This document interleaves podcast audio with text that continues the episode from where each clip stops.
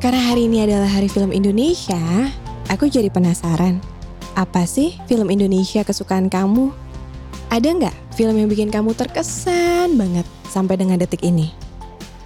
Eh, BTW, ngomongin soal film, itu berarti ngomongin soal selera loh. Yang bagus menurut aku, belum tentu bagus buat kalian.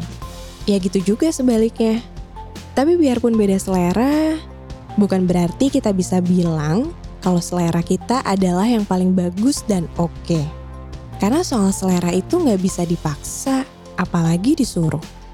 Misal nih, kalau ada yang bilang jadi bahagia itu berarti harus cantik, kamu boleh untuk nggak setuju.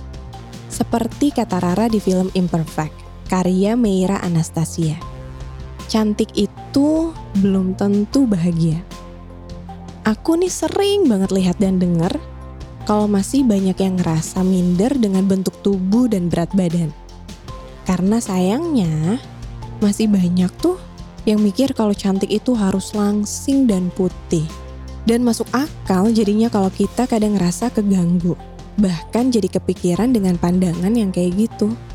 Padahal kenyataan yang ada itu nggak kayak gitu. Padahal bahagia itu soal perasaan. Gak ada tuh hubungannya dengan penampilan yang bisa diubah dan berubah. Toh, cantik itu relatif dan juga soal selera kan? Bahagia tuh banyak macam kok penyebabnya.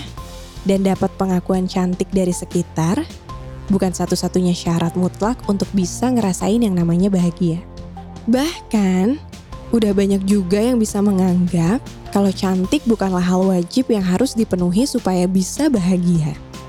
Bahagia tuh asalnya dari hal-hal sederhana, dari kita yang hidup dikelilingi oleh orang yang disayang, kita yang selalu didukung sama orang-orang terdekat, dan kita setiap harinya bisa merasa cukup atas apa yang dimiliki.